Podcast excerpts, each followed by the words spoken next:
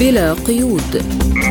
برنامج واسع الطيف نطلعكم فيه على آخر المستجدات على الساحة العربية والعالمية. حصريا من إذاعة سبوتنيك. تحية طيبة لكم مستمعينا الكرام من استديوهاتنا في موسكو. نرحب بكم في هذه الحلقة الجديدة من برنامج بلا قيود. نصحبكم فيها اليوم أنا عماد الطفيلي. وأنا نادية هلال والبداية بأبرز العناوين. الخارجية الروسية تدين القصف الإسرائيلي لمستشفى المعمداني في قطاع غزة. الأردن يعلن إلغاء القمة الرباعية المقررة في عمان بعد مجزرة المعمداني في غزة.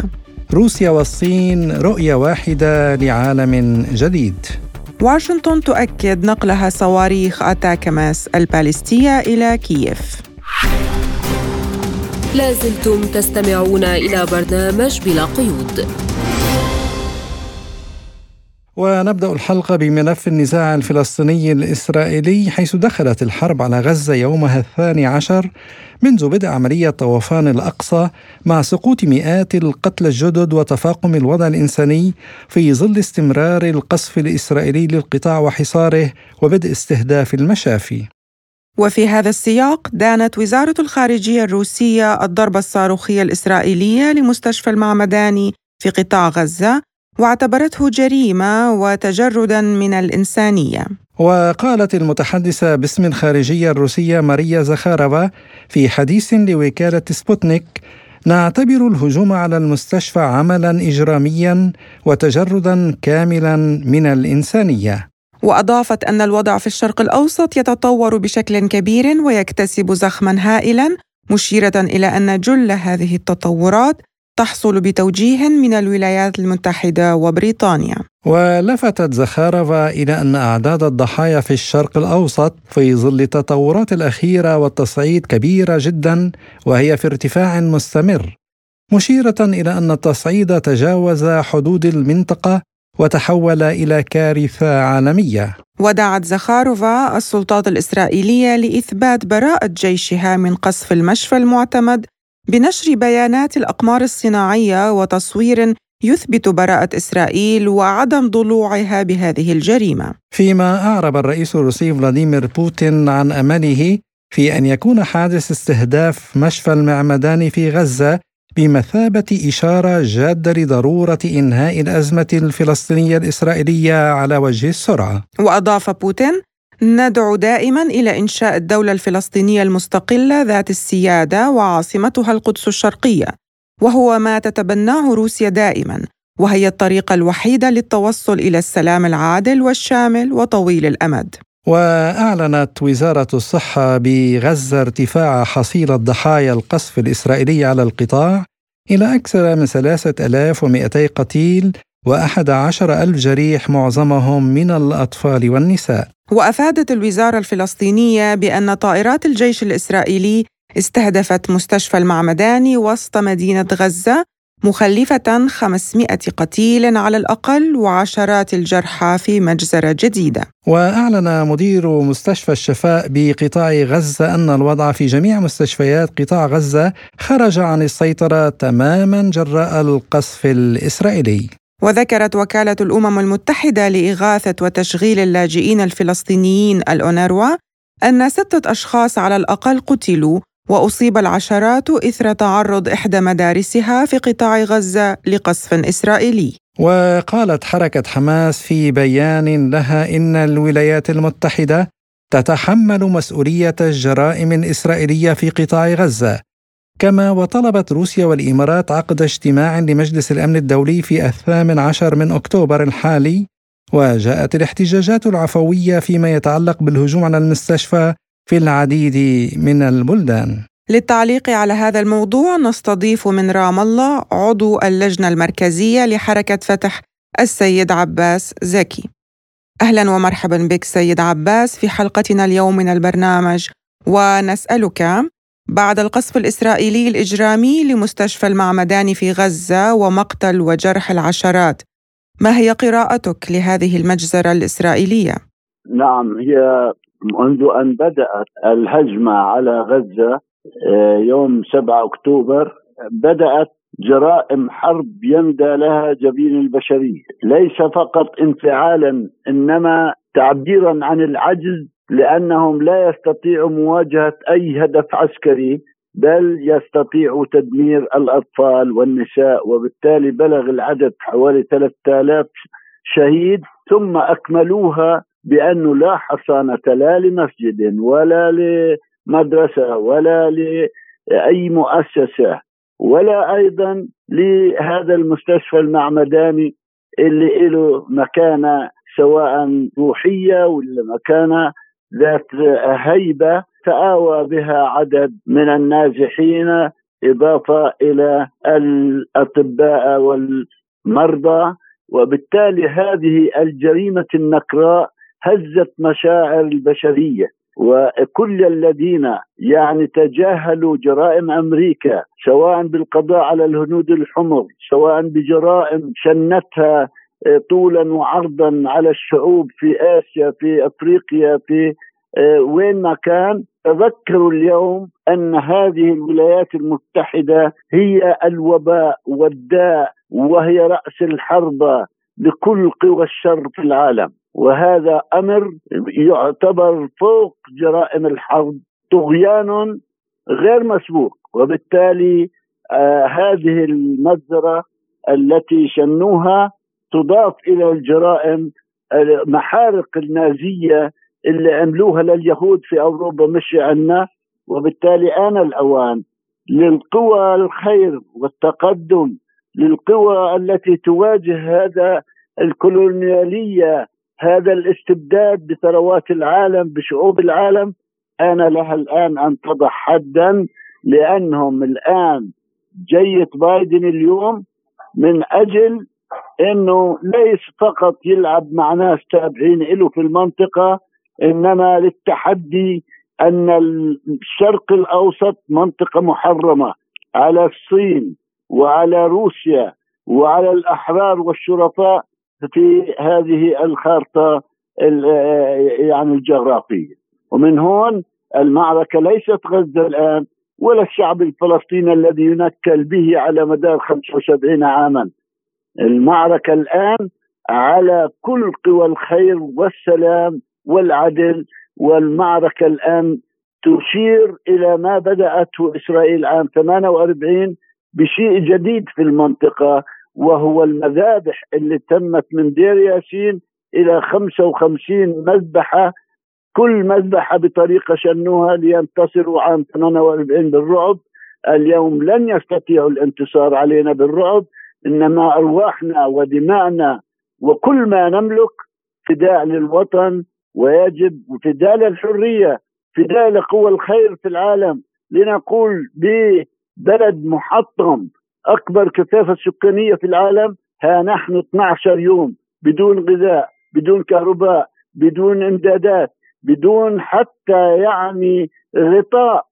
نواجه هذا الطغيان اللي اللي فيه جيرالد فورد حاملة الطائرات واللي فيه كل البوارج البريطانية واللي فيه أيضا كل يعني الأسلحة بما فيها آه يعني حاملة الطائرات اللي جابوها هلا الأخرى وهذا أمر لا يخيفنا سيد عباس يعني كيف سيتعامل المجتمع الدولي الآن مع إسرائيل؟ هل سيتم فرض عقوبات عليها مثلا؟ لا ما دام أمري انت أنت سيبك من إسرائيل أنت الوقاحة في الولايات المتحدة الآن حرب متجاوزة إسرائيل والفلسطينيين أنت تواجه الإدارة الأمريكية بقبضها وقضيبها بعملائها العرب وأيضا باحتياطيها الأوروبيين المسكونين بالرعب واللي يعني تعودت أمريكا أن تقاتل حتى آخر آه، بلد يعني تابع لها في العالم. ثم هي تتقدم. المرة هي تتقدم الصفوف. يعني واحد اليوم واصل وبيعرفوا تماما كيف طيارته هبطت بعيدا عن البحر الأبيض المتوسط تصل إلى تل أبيب كأنه يعني مهزوم. آه، آه، رغم إنه عنده كل الأساطيل والقوة والسلاح فهذا أمر يعني يشير إلى إصرار عنيد من جهة الرئيس الأمريكي على استمرار بالدم مهما كان الثمن حتى يطرد الصين والنفوذ الروسي اللي بدأ في سوريا ويغلق المنطقة اللي اللي تدخل صحراء التيه مرة أخرى مئة عام وهل كان قصف المستشفى بمثابة نقطة اللا عودة في صراع الشرق الأوسط برأيك؟ أعتقد هذا بتوقف على حجم الآن التحريك يعني الفلسطينيين لوحدهم لا يستطيعوا. لكن الكوابح وال وال يعني العرب سبحانه وتعالى لا زال هناك سفراء لأمريكا سفراء لإسرائيل هذا عار وعيب. أنا الأوان المعتدي عليك واضح إنك تقول كلمة حتى تعطي القوى العظمى في العالم التي تواجه هذا تضمن أنها تناضل لحماية ناس احرار، ناس بحبوا وطنهم، ناس عندهم كرامة، لكن المكبلات الفولاذية لقوى القوى الحرة وما لها غطاء دولي منيح إلا يعني شكرا لبوتين بتصريحاته العظيمة وشكرا أيضا للموقف الحاسم اللي أدته روسيا شكرا أيضا للموقف الجريء للصين التي قالت منذ البداية آه، آه، آه، انه إسرائيل تجاوزت حق الدفاع عن النفس وهي الآن تقترف جرائم حرب.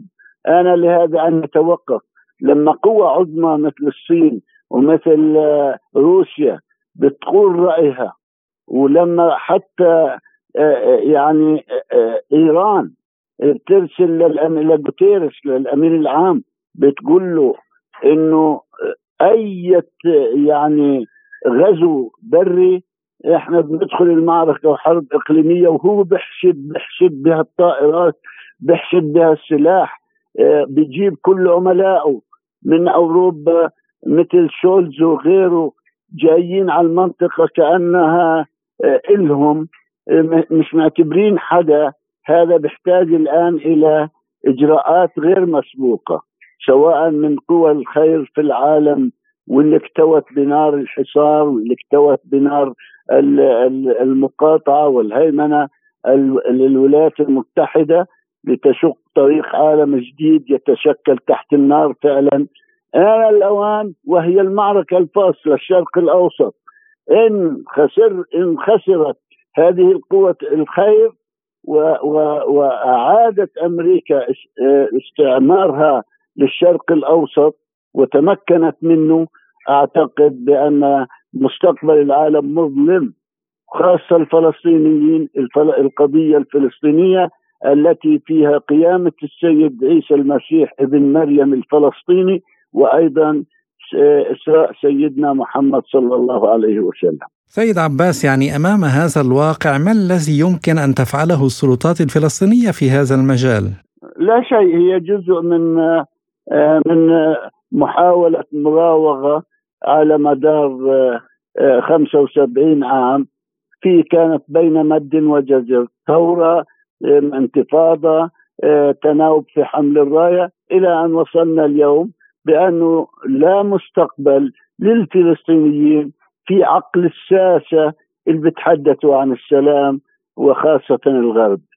الغرب اسقط القضية الفلسطينية وادعاءاته عن الديمقراطية وادعاءاته عن حقوق الإنسان يعني غير وارد فيها حسابات للفلسطينيين وبالتالي يعني إن شاء الله هلأ هذا الوضع الجديد إنه الناس تحترم الأقوياء. هذا الوضع الجديد اللي العالم كله جاي بده يقضي على فصيل هذا يعني درب من الخيال لأنه الآن الشعب الفلسطيني كله راسه مطلوب وإنما بيختاروا إنه جايين نحارب حماس جايين نحارب الجهاد جايين نحارب هذا كلام فاضي الم... ال... آه، العنوان واضح. أنهم يريدوا فلسطين خالية من الفلسطينيين وتطبيق ما, قالوا عنه يهوديه الدولة وأن يكون اسمه تزهش وأيضا بن كثير وهذا الذي يهرب من المحمل بجرائم الفساد نتنياهو يقايد بحاله آه، بكل حياة هذا الشعب الفلسطيني الذي لن ولا يستطيع أحد في الكون أن ينهي الوجود الفلسطيني على أرض فلسطين وضح لنا من فضلك لماذا لا تقطع بعض الدول العربية علاقاتها مع إسرائيل؟ إحنا بنتمنى يعني إحنا لسنا آه، قيمين على المنطقة نحن إحنا امبارح اللي شفناه آه، بالهجوم على السفارة في عوكر في آه، لبنان والسفارة في الأردن وأيضا في أكثر من مكان. هذا حافز ودليل على أن هذا الشعب يعني بيرسل رسائل لقياداته بأن لا مكان للمطبعين للخونة في صفوفنا وإن كان انتصارهم نتيجة انتعاش الإدارة الأمريكية وأوروبا لكن غدا سينكفئ هذا الأمريكي مش بس في المنطقة إن شاء الله في مناطق أخرى. وبالتالي تكتمل دائرة أننا أن هذه الشعوب تنجو من هذا الهلاك وهذه الهيمنة وهذه السيطرة وهذه الكيل بمكيالين وهذه ازدواجية المعايير ليكون نظام عالمي دولي جديد يشعر فيها الإنسان بكرامته وباستقلاليته وبسيادته على أرضه والتعاون المشترك للوصول إلى آه، حياة أفضل للبشرية على هذا الكوكب. عضو اللجنة المركزية لحركة فتح عباس زكي كنت معنا من رام الله شكرا جزيلا لك والآن مستمعينا الكرام نترككم مع ما تحدث به بعض النازحين الفلسطينيين في غزة مع سبوتنيك. لا قطفوا ولا تنيلوا ولا تبهدلوا عشنا أسبوع؟ أسبوع في بيت لاهية. وإحنا بملجأ 250 نفر ب 100 متر لا كهرباء لا مية لا إنترنت لا شبكات لا بامبرز لا حليب. كنا بدناش بدنا نموت من الجوع بدنا نضل مش طالعين. خمس أيام. فجأة هيك إلا القذائف في البيت. إشي على السطح وإشي هناك وإشي هناك. جثث بالشوارع. رحنا على مدرسة الوكالة ورانا. حكوا المدرسة آمنة. خبطوا المدرسة واستشهدوا الناس. رحنا على روضة. عنا جم أمان. فيش إشي. وين نروح؟ وين وين نروح؟ وين؟ إن الله. إن الله. رحبوا عليهم. اللي استشهدوا إحنا اللي نزحنا ما يقارب ال توزعنا كل إيش 100 إحنا نص مليون في الشمال نزحنا. اللي استشهدوا بسام حمودة ورمزي حمودة وريمان حمودة واعتدال حمودة وروان حمودة خمس أشخاص. لو إحنا كنا معهم هم كانوا بدهم إيانا نضل مع بعض. كان المفروض إحنا 50 مع بعض. راح زوجي حكى لا تعالش نضل مع بعض. كله يتوزع. عشان يوم ما يموت حد يضل حد يشيل اسم العيلة. من بحس من السجل المدني حسبي الله ونعم الوكيل. حسبي الله ونعم الوكيل. حسبي الله ونعم الوكيل. حسبي الله ونعم الوكيل. حسبي الله ونعم الوكيل. مع السلامة يا عمي. الله يرحمه. شهداء والله بيستاهلوا. والله بيستاهلوا الشهادة. وحياة الله بيستاهلوا الشهادة. وحياة الله بيستاهلوا الشهادة. يعني الله حبيبي اللي صار في رجال عباد الضال. ضربوا مؤسسة وضربوا الضال فيها أخوي. بلا سبب. قاعدين. أمام الله. والله يرحمهم ويحسن اليوم حسبي الله ونعم الوكيل. أنا آه، عبيت مية وطلعت شوكتي آخذ آخذ دش لسه يا دوب باخذ الدش بلاقي حالي تحت الإنقاذ.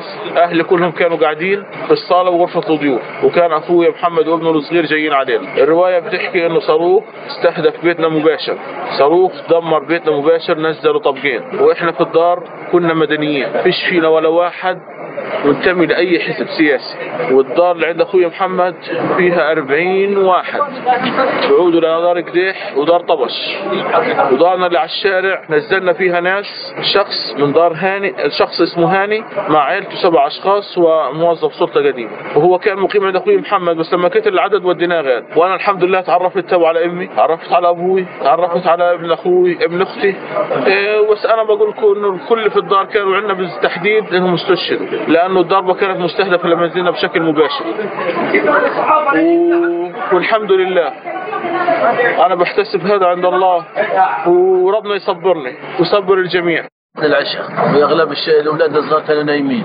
فجانا بضوء ضوء كل رفح رفح ودب قوية يعني قوية دب وقمنا نجري لقينا البيت مهدوم. البيت مهدوم البيت يعني بضمش لابناء تنظيم. يعني ناس هذول في حالهم في حالهم. ما تدخلوش في اي يعني لهم انتماء تنظيم ولا سياسي. وجينا لقينا لقينا لقينا لقينا الدار مهدوم وفي جثث وفي اصابات نقلنا ونبقى في ملف الحرب على غزة حيث قال وزير الخارجية الأردني أيمن الصفدي إن المملكة قررت عدم عقد القمة الرباعية التي كانت مقررة في عمان.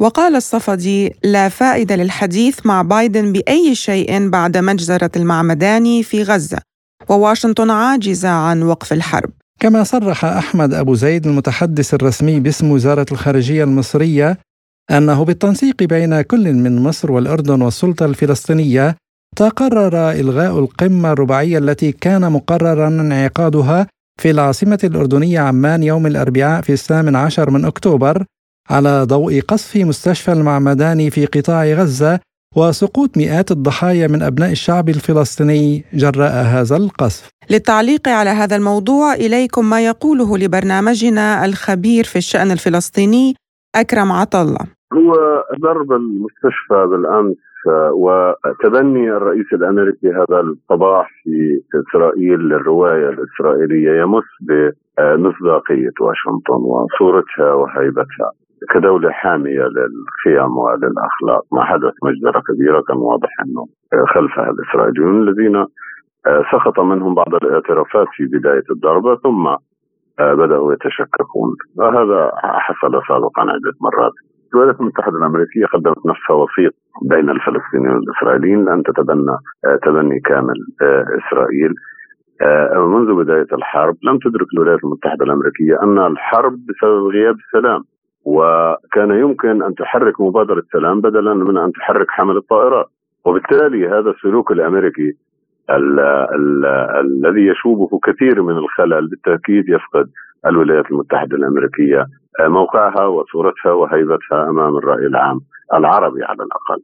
وعن خلفية ودلالة الموقف الذي اتخذته كل من من الأردن ومصر يقول عطله. هاتان الدولتان تشعران بخطر شديد. المشروع التهجير يستهدف مصر. وإذا ما نجح مشروع التهجير سيستهدف الأردن.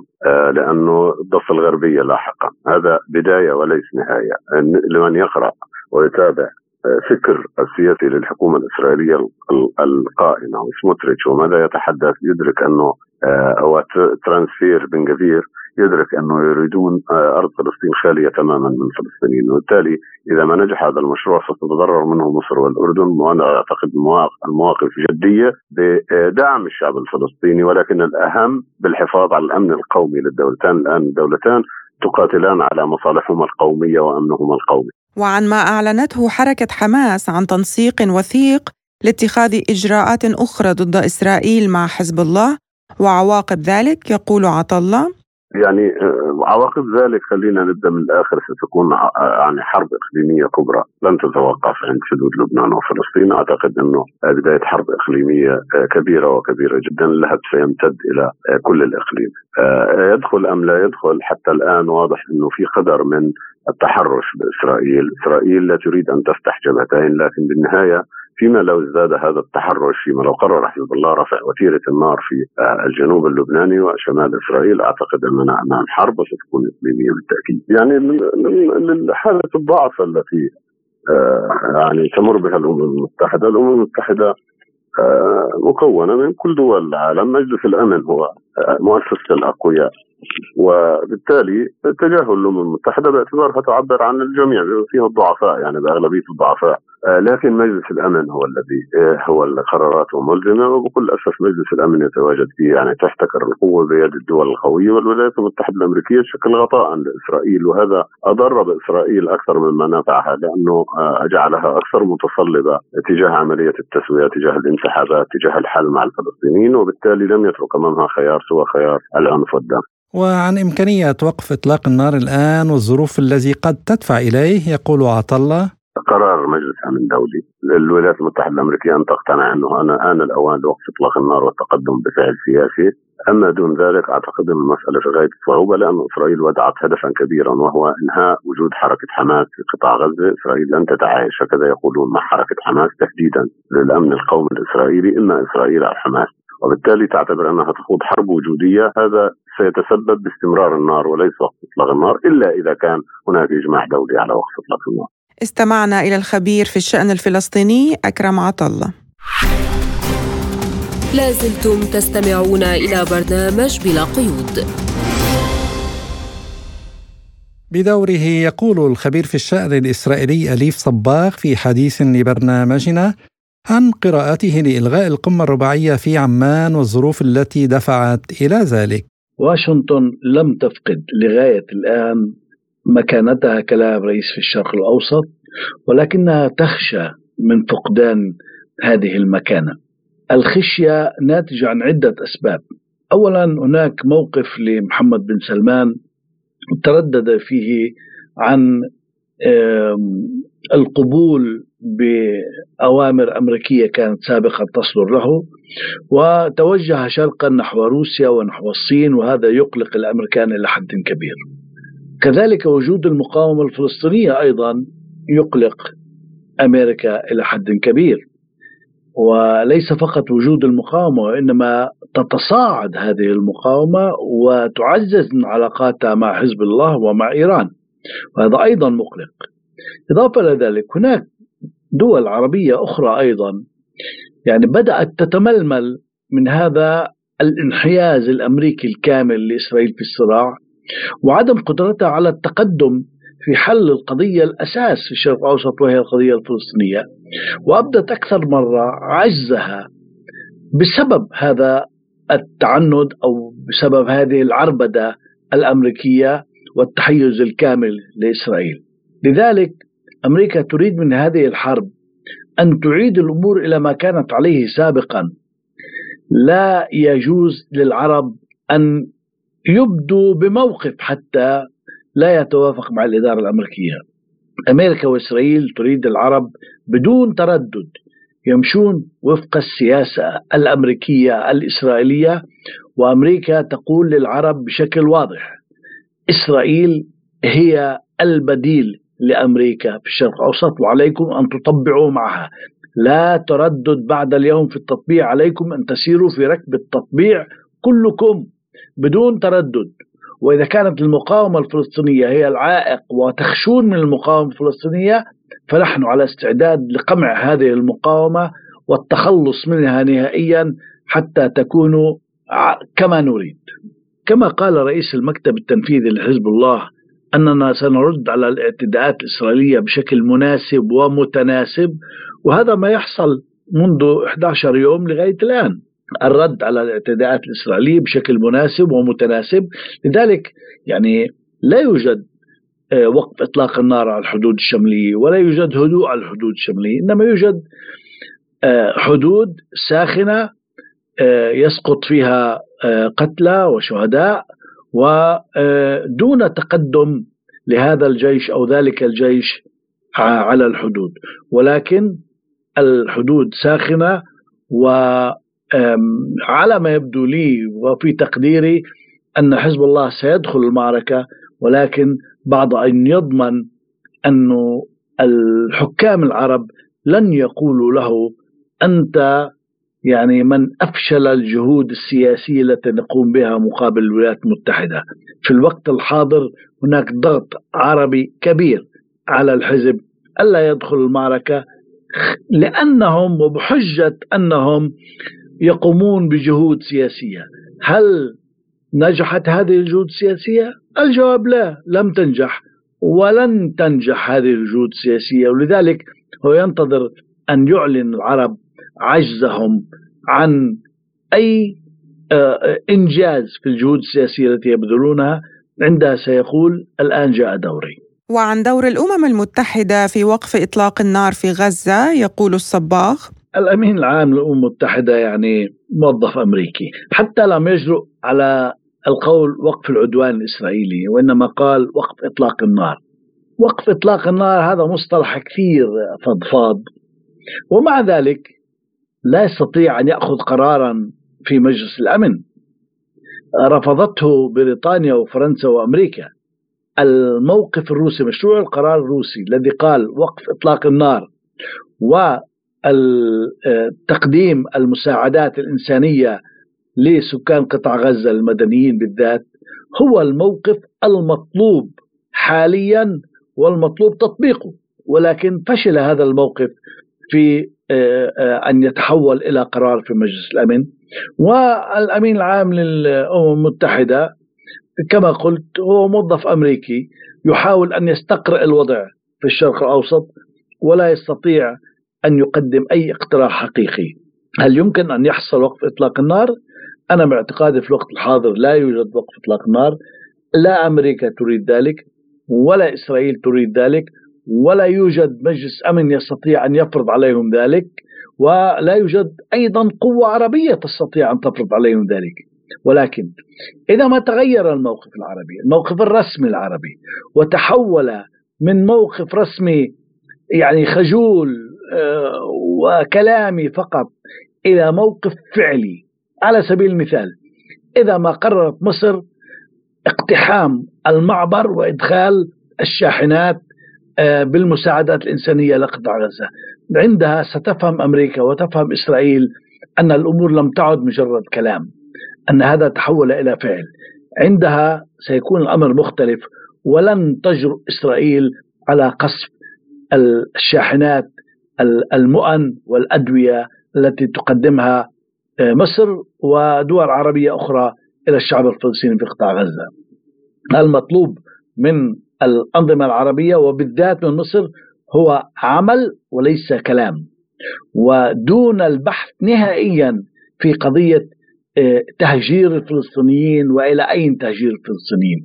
هذا لا يجوز أن يبحث نهائيا، المطلوب الآن وقف العدوان الإسرائيلي على قطاع غزة وإمداد قطاع غزة بالمواد الغذائية والدواء والوقود والماء وبعد ذلك تبدأ التفاوض على تبادل الاسرى وكل الأمور الأخرى.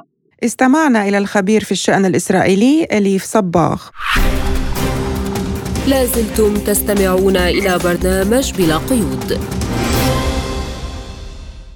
تجمع روسيا والصين رؤية واحدة بشأن العالم المتعدد الأقطاب قيد التشكل كما تتطور الشراكة الاستراتيجية للقوتين العظميين لمواجهة الأزمات الدولية بشأن الطاقة والأمن والغذاء. وفي هذا السياق أعلن الرئيس الروسي فلاديمير بوتين خلال اجتماعه مع نظيره الصيني شي جينغ بينغ أن حجم التبادل التجاري بين روسيا والصين سيتجاوز ال 200 مليار دولار حتى نهاية العام. كما أكد بوتين خلال اللقاء على التنسيق المكثف في السياسة الخارجية بين بكين وموسكو والذي بات مطلوبا بشكل خاص في الظروف الصعبة الحالية. وهنأ الرئيس الروسي الشعب الصيني بمناسبة الذكرى الرابعة والسبعين لقيام جمهورية الصين الشعبية. وفي كلمته خلال افتتاح منتدى حزام واحد طريق واحد أكد بوتين سعي روسيا والصين للتطور المستدام والرخاء الاجتماعي وشدد على تمسك البلدين بالتعاون المتكافئ واحترام حق الدول في نهجها للتنمية. إليكم ما يقوله بهذا الصدد لبرنامجنا الأستاذ إبراهيم مطر خبير مركز المستقبل الإقليمي للدراسات الاستراتيجية. أولا آه، السياسة الروسية الصينية آه، هي سياسة نقدر نقول إنها آه، سياسة تكاملية هي سياسة برجماتية تستطيع التعامل مع كل الأطراف المتصارعة والمتناقضة في الوقت ذاته. فهي تتميز عن القوى الغربية كالولايات المتحدة الأمريكية ودول الاتحاد الاوروبيه إنها ليست متحيزة لطرف ما وهي مرنة. الأمر الثاني إنها لا تمتلك خططا طويلة المدى في منطقه الشرق الأوسط أو في المنطقة العالمية.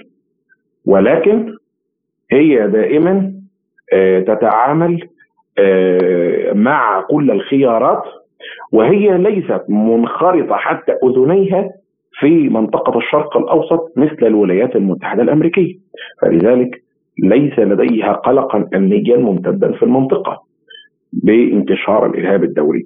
أيضا هناك عندما نتحدث عن آه، صناعة القرار الروسي، صناعة القرار الروسي هي من تدير آه، الآن القرار الصيني كوريا الشمالية وذلك عن طريق إنها تؤمن إن التغيير في المنطقة من خلال صناع القرار الروسي يجب أن يتم من خلال الوسائل الدستورية وأجهزة الدولة السيادية.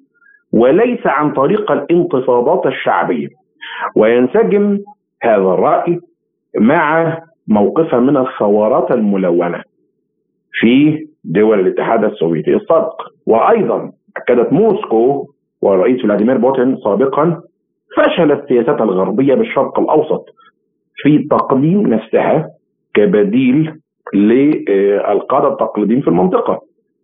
أيضا الموقف الروسي في هذا الوقت عندما آه، جاءت التحديات الخاصة بالدولة الأوكرانية. جاء أن روسيا صمدت كاقتصاد وقوة آه، عالمية. لديها حلفاء بالطبع وحلفاء أقوياء ويشكلون قوة عظمى.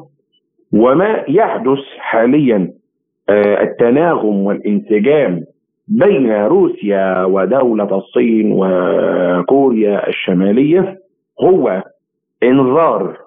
إنذار ليس بالقليل لحرب قادمة وهذه الحرب ستكون هناك معسكر غربي عربي ومعسكر شرقي متمثل في الدولة الروسية والصين وكوريا الشمالية وهنا روسيا تستعد لاستعادة ما كان في السابق وهو الاتحاد السوفيتي. وهنا ما يحدث الآن ما هو إلا طفو قوة عظمى جديدة ولكن هي تنتظر اللحظة المناسبة لإيجاد آه، اسما جديدا على الساحة يحكم العالم وتكون هي المسيطرة. ولكن هناك الآن حرب اقتصادية. لأنك تعلم إن الدولار هو المسيطر على كافة احتياطات الدول العالمية. فهناك الآن حرب اقتصادية يعقبها حرب عسكرية وروسيا تجهز لذلك. ولكن عندما نرى تعاملات آه، روسيا والصين في منطقة الشرق الأوسط كمثال بسيط سنتحدث عن إيران. آه، عندما غردت إيران خارج السرب الروسي وبدأت إنها تغير في أيديولوجيتها في المعاملة.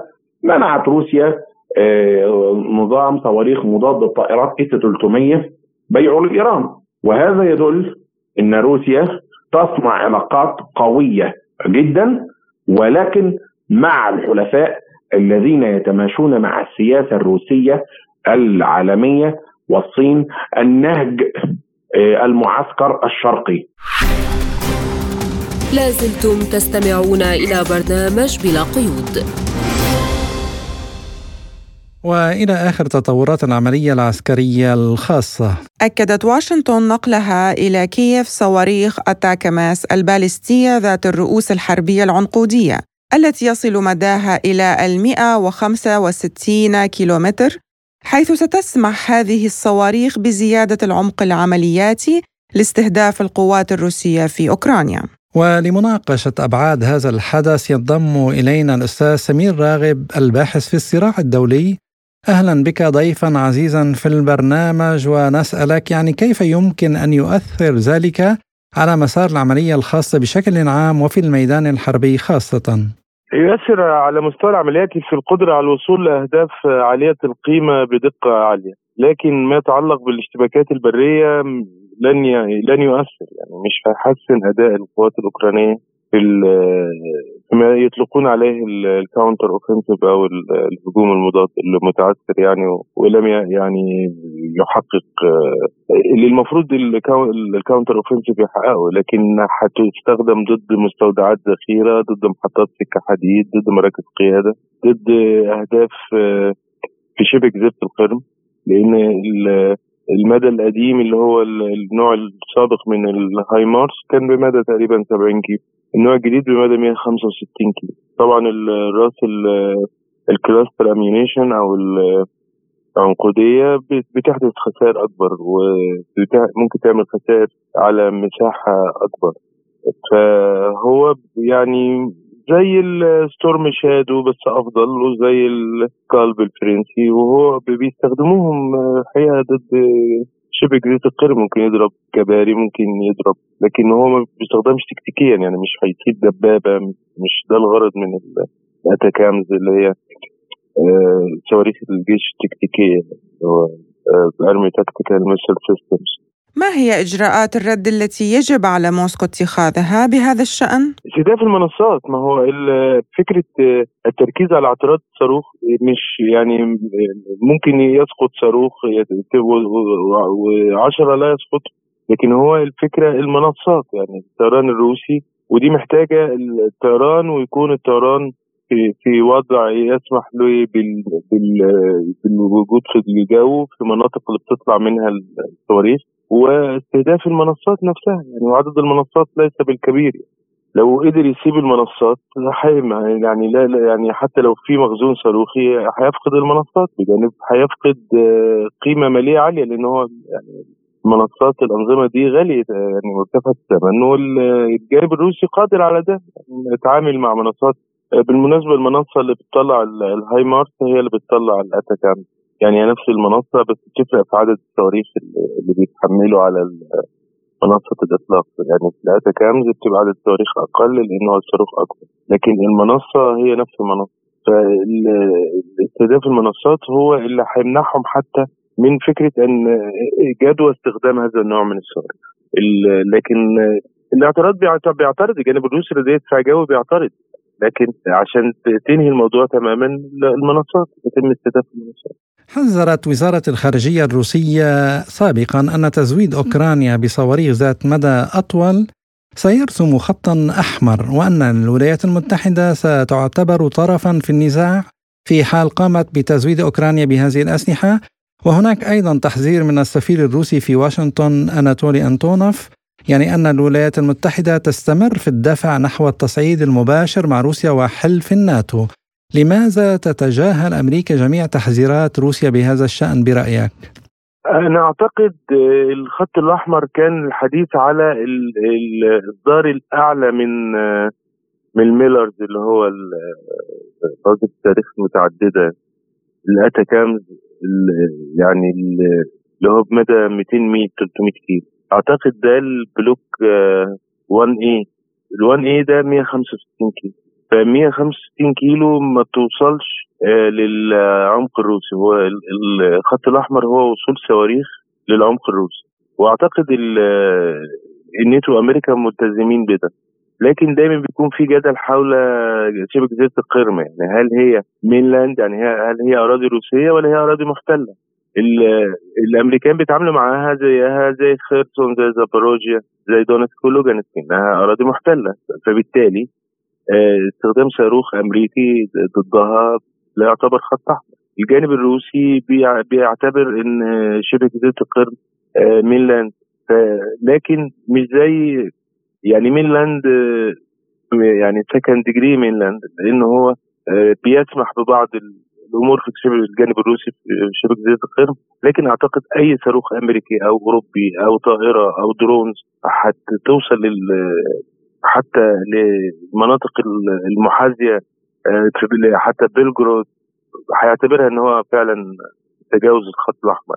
آه، لكن ال 165 كيلو في الاكثر منها. يعني هو ال Storm Shadow نفس المواصفات بس Storm Shadow air launch يعني بيطلق من طائرات. كذلك ال SCALP الفرنسي لكن هو ميزه ال M 270 أو ال MLRS آه، اللي هو بيطلق ال ATACMS ان هو land launch يعني يطلق من الأرض. فبالنسبه لإن الطيران الاوكراني مش مش متوفر كتير وممكن إسقاطه ممكن إنه يخوض معارك مش لصالحه مع مع الطيران الروسي. فبالتالي المنصة الأرضية أكثر جدوى. عشان كده أنا بديت كلامي بفكرة لابد إن الطيران زي ما بيتعامل مع التهديدات الجوية يتعامل مع منصات على كما تحدثت الأمم المتحدة ضد استخدام الذخائر العنقودية. فلماذا برأيك لا تفرض الأمم المتحدة عقوبات على أولئك الذين يستخدمون هذه الذخائر كمثال ضد أوكرانيا؟ موضوع منع ال cluster ammunition والعنقودي ده بيعتمد على الدول الموقعة. على المعاهده لا روسيا ولا أوكرانيا ولا أمريكا موقعين على المعاهده بالإضافة إن الروس لديهم عنقودي والأوكرانيين لديهم عنقودي من قبل حتى حرب أوكرانيا. وتم استخدامه من بداية العملية. فما فيش يعني يعني قانون في الأمم المتحدة يعاقب في استخدام الذخيرة العنقودية الدول الموقعة على الكونفنشن آه، هي اللي منعت واتفقوا إن هم يمنعوا. ال prohibition أو المنع ليه علاقة بالاستخدام. يعني لو استخدمت cluster ammunition ضد مدنيين بتكون يعني بيكون مخالف. يعني هي التحريم آه، الكامل على استخدامه ضد المدنيين. ليه؟ لأن في حاجة اسمها dud rate اللي هو معدل بقاء في الأرض. يعني في يعني بعض يعني ال cluster ammunition عبارة عن آه، canister أو حاوية فيها مجموعة من القنابل الصغيرة تشبه الكور الحديدية. آه، فلما بتنفجر في جزء بيفضل. الجزء اللي بيفضل ده بيتحول إلى ألغام في الأرض. يعني لو حد خبط فيه أو داس عليه ينفجر أو لو طفل عبث بيه ينفجر يصيبه أو يصيب من حوله. فبالتالي هي الفكرة في فكرة أن يدفع الجانب الروسي بإذن ال cluster ammunition بتستخدم ضد مدنيين. المدنيين دول في في أراضي كانت أوكرانية وضمها الروس أو في في, في أراضي أخرى. لكن ما فيش قانون في الأمم المتحدة بيحرم ولو حتى بيحرم أو في قانون. ما أعتقدش إن القانون يقدر يعاقب أمريكا وحلفائها الاتحاد الأوروبي صرح أنه لن يتوقف عن دعم أوكرانيا رغم تفاقم الوضع في الشرق الأوسط. فهل يعني الاقتصاد الأوروبي جاهز للمزيد من الأعباء؟ القرار السياسي هو اللي بيحكم الموضوع أكثر من التبعات الاقتصادية. التبعات الاقتصادية كبيرة على على أوروبا واوروبا بتفتح جبهات كتير وماشية ورا آه، قضايا صراعات ممتدة صراعات طويلة كان ممكن تجنبها. فمش هيكون الاقتصاد رادع لكن الاقتصاد سيؤدي إلى تبعات داخل أوروبا. يعني المواطن الأوروبي يشعر بالضيق المواطن الأوروبي ربما يعني جذب أصواته إلى تيار اليسار في, الانتخابات بدل من اتجاه الاتجاهات الليبرالية أو اتجاه إلى أقصى اليمين. آه، حتى اليمين اللي هو خارج السلطة اليمين المتطرف اليمين القومي في فكرته الانكفاء الداخلي. يعني حتى اليمين يعني اللي هو الشعبوي فبالتالي التبعات هتكون داخل أوروبا على توترات في السياسة. لكن توتر الاقتصاد آه، مش هيقدر يوقف القرار السياسي لأن القرار السياسي جاي من التبعية لأمريكا وأمريكا ما بعد حرب أوكرانية بتهدد الأوروبيين ضمنيا بإن عليكم أن تسيروا خلفي لأني لو تخليت عنكم الروس سوف يحتلوا أوروبا وده مش هيحصل لكن هي الفزاعة فكرة علينا أن نصطف ضد الروس حتى لا يأتوا الروس إليك. ده القرار السياسي. واللي هو ماشيين فيه. وفي كل دولة لما بتيجي تحاول تخرج أمريكا بتحشد القوى الأوروبية عليها.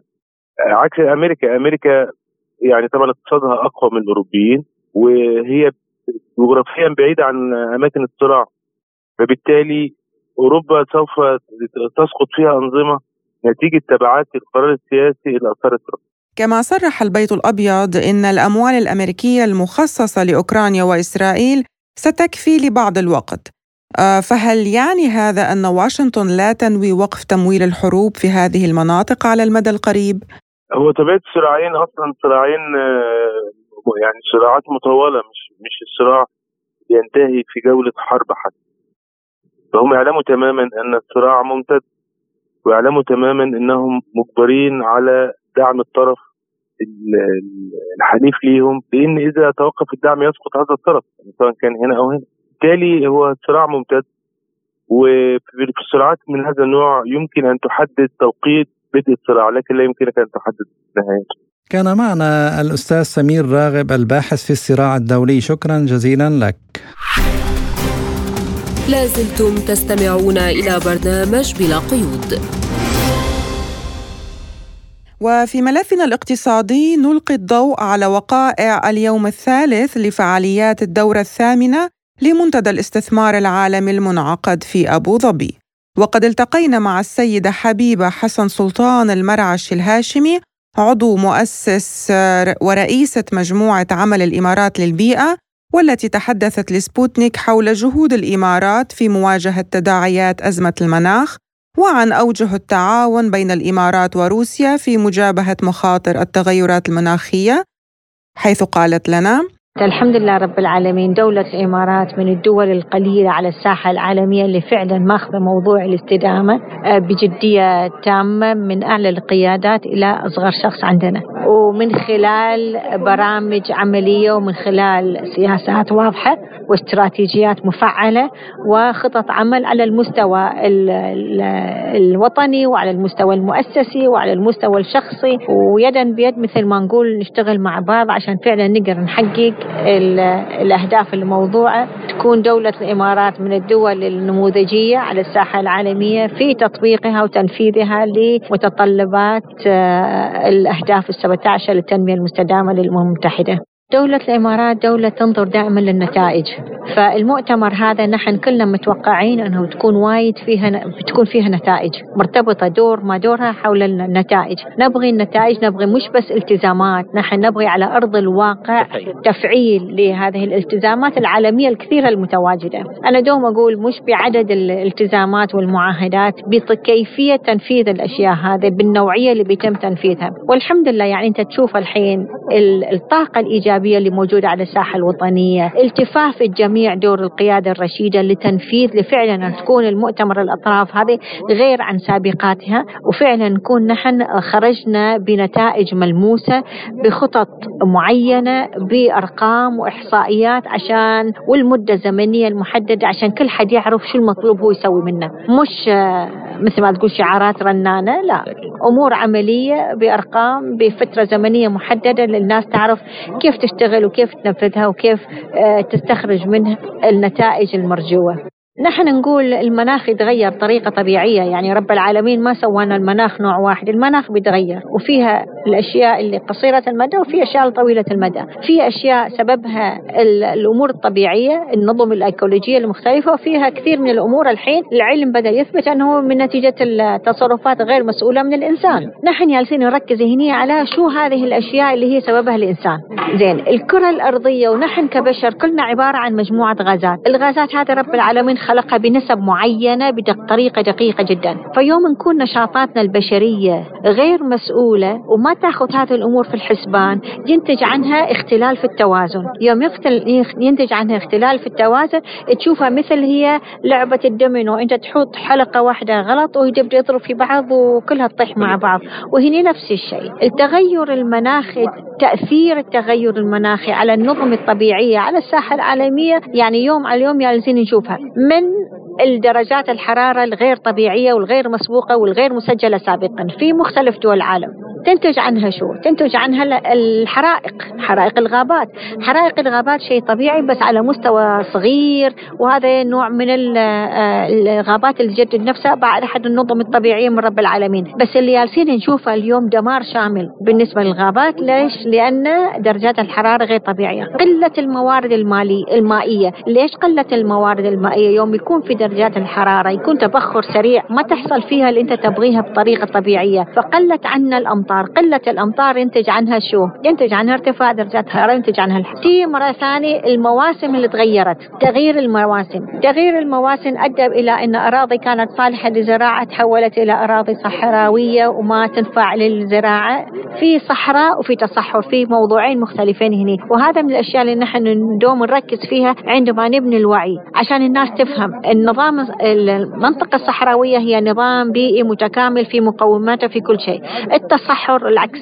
التصحر عبارة عن أرض كانت صالحة للاستعمال البشري وكانت زراعية وكل شيء بس بطريقة استخدامها الغير مسلوم من قبل الإنسان تحولت إلى أرض إلى مناطق يعني خلص قاحلة ما تنفع فيها أي شيء. وصار عندنا تصحر بنسبة كبيرة في دول العالم كثيرة يعني. في موضوع الفيضانات اللي في غير مواسمها الفيضانات الكثيرة اللي قاعد تحصل. تاخذ المدن بكاملها تاخذ المواسم الأمطار اللي تغيرت شو يأثر عليه؟ يأثر على المحاصيل الزراعية ومواسم إنتاج المحاصيل الزراعية. اللي تصب في توفير الأمن الغذائي بالنسبة للمجتمعات اللي عايشة. تؤدي إلى شو؟ يؤدي إلى طبعا ضرب في الاقتصاد إقتصادات الدول الزراعية. هذا كلها تأثر عليها. برد مرة ثانية على موضوع الفيضانات. يوم تكون المدن واطية وهي على قريب من مستوى سطح البحر وفي المدن الساحلية الكثيرة على الساحة العالمية. يوم ارتفع منسوب المياه نظرا لذوبان الجليد في القمم المختلفة. شو أدت إلى؟ ارتفاع منسوب البحر يضرب في المدن وتحصل الفيضانات اللي قاعد تحصل ويؤدي إلى اختفاء المدن بصورة متكاملة. يعني هي كلها مترابطة مع بعضها. خراب واحد في أحد أماكن في أحد المناطق. من العالم تأثيره بتحسه في المناطق كلها. دون في تعاون نحن في مجموعة الإمارات نؤمن ببناء الشراكات والتعاون نستفاد من تجارب الغير نتعرف على تجارب الغير. من المهم أن نتعرف على تجارب الغير عشان نعرف شو هي قصص النجاح وكيف نحن ممكن ناخذها ونأقلمها ونتبناها ونحولها إلى ممارسات. نحن نستفاد من عنها على الساحة الوطنية وأيضا نتعلم من الدروس ومن الأخطاء ومن الفجوات اللي موجودة عنهم عشان نحن نتفاداها وما ما نقع في نفس الأخطاء هذه. كما أجرت سبوتنيك مقابلة مع وزير الدولة للشؤون الاقتصادية السابق ورئيس مجلس المنافسة ومنع الاحتكار الحالي سلامة إبراهيم لغويل على هامش منتدى الاستثمار العالمي حيث جرى الحديث عن التحديات التي تقف أمام الاستثمار في ليبيا ومستقبل العلاقات الاستثمارية بين روسيا وليبيا. فيما يخص الاستثمار أخي العزيز ليبيا بلد واعد من حيث الجغرافيا بلد واعد من حيث الموارد بلد واعد من حيث الكفاءات البشرية بلد واعد من حيث الاستحقاق والمعرفة. باعتبار يحتاج لكل شيء يحتاج إلى إعادة أعمار يحتاج إلى بناء يحتاج إلى شراكات. كذلك قله عدد السكان. كل عوامل العملية الاستثمارية في ليبيا متوفرة. يقف عائق واحد لها وحيد وهو عائق الأمني وعائق التدخل الخارجي اللي يتصارع على الكعك الليبية يمنع الليبيين من إنهم هم يستوفوا حقوقهم التجارية وحقوقهم الاستثمارية وحقوقهم الاقتصادية وحقوقهم المعيشية آه، بالتالي نتطلع إحنا رفقة الدول الخيرة ورفقة العقلاء. شوف نجاح روسيا في عهودها مع أصدقائها يخليها كل متطلع سياسي يتطلع إلى أن يعمل معها شراكة. نجاح روسيا في عهودها في حمايتها كذلك. نجاح روسيا في الوجود وفي منافسة آه، الدول اللي تعتدي على حقوق الشعوب هذا كذلك يخلق, يخلق من نحن أفق إلى أن نتطلع إلى دور روسي إيجابي في هذه المرحلة. آه، كذلك روسيا تخلق في توازن عدم سيطرة القطب الواحد في العالم وهذه لمسة إيجابية للدولة الروسية زعامتها الجديد اللي فيها التحرر واللي فيها الخير ينعكس على العالم. ومن ضمن مواقف روسيا في أفريقيا ومواقف روسيا في مع كثير من الدول. بدأ يشار لها بأصبع البنان بأن هي الدولة اللي ممكن يستظل بها أي مغلوب أو أي من شعر بممارسة الظلم عليه من الدول الأخرى أو, أو, أو من رعاة القطب الواحد قطبة السيطرة الواحد في العالم. فروسيا نحن أيضا لدينا ثقافة وجدانية تاريخية مدتها خمسين عام من العلاقة الطيبة. روسيا ليست دولة استعمارية روسيا دولة حضور. أتمنى أنها تطور من أساليبها أتمنى أنها تدخل بعمق بعمق بدعم الحق وليس بهوية السيطرة كما يحدث في كثير من الدول. يمكن الاستثمار في النفط يمكن الاستثمار في الحديد يمكن الاستثمار في التقنية في مختلف أنواعها. آه، يمكن الاستثمار في التكامل بين الكوادر في التدريب. آه، روسيا بلد آه، فرض نفسه في في إنتاج قدرة الحماية قدرة وجود محددات الحماية لدولته وبالتالي هي من مراكز الاقتصاد العالمي اللي ممكن آه، تتوافق معها بحيث إن هي عندها عناوين للاستثمار وهو عدم الظلم وعدم المغالب وعدم افتكاك الحقوق من الشعوب، بالتالي آه، الإنسان العاقل واللي يقود بلد بشكل عاقل لا يمكن أن يهمل روسيا. وإلى هنا تنتهي حلقتنا اليوم من برنامج بلا قيود، كنا معكم أنا نادية هلال وأنا عماد الطفيلي وشكرا لاصغائكم وإلى اللقاء.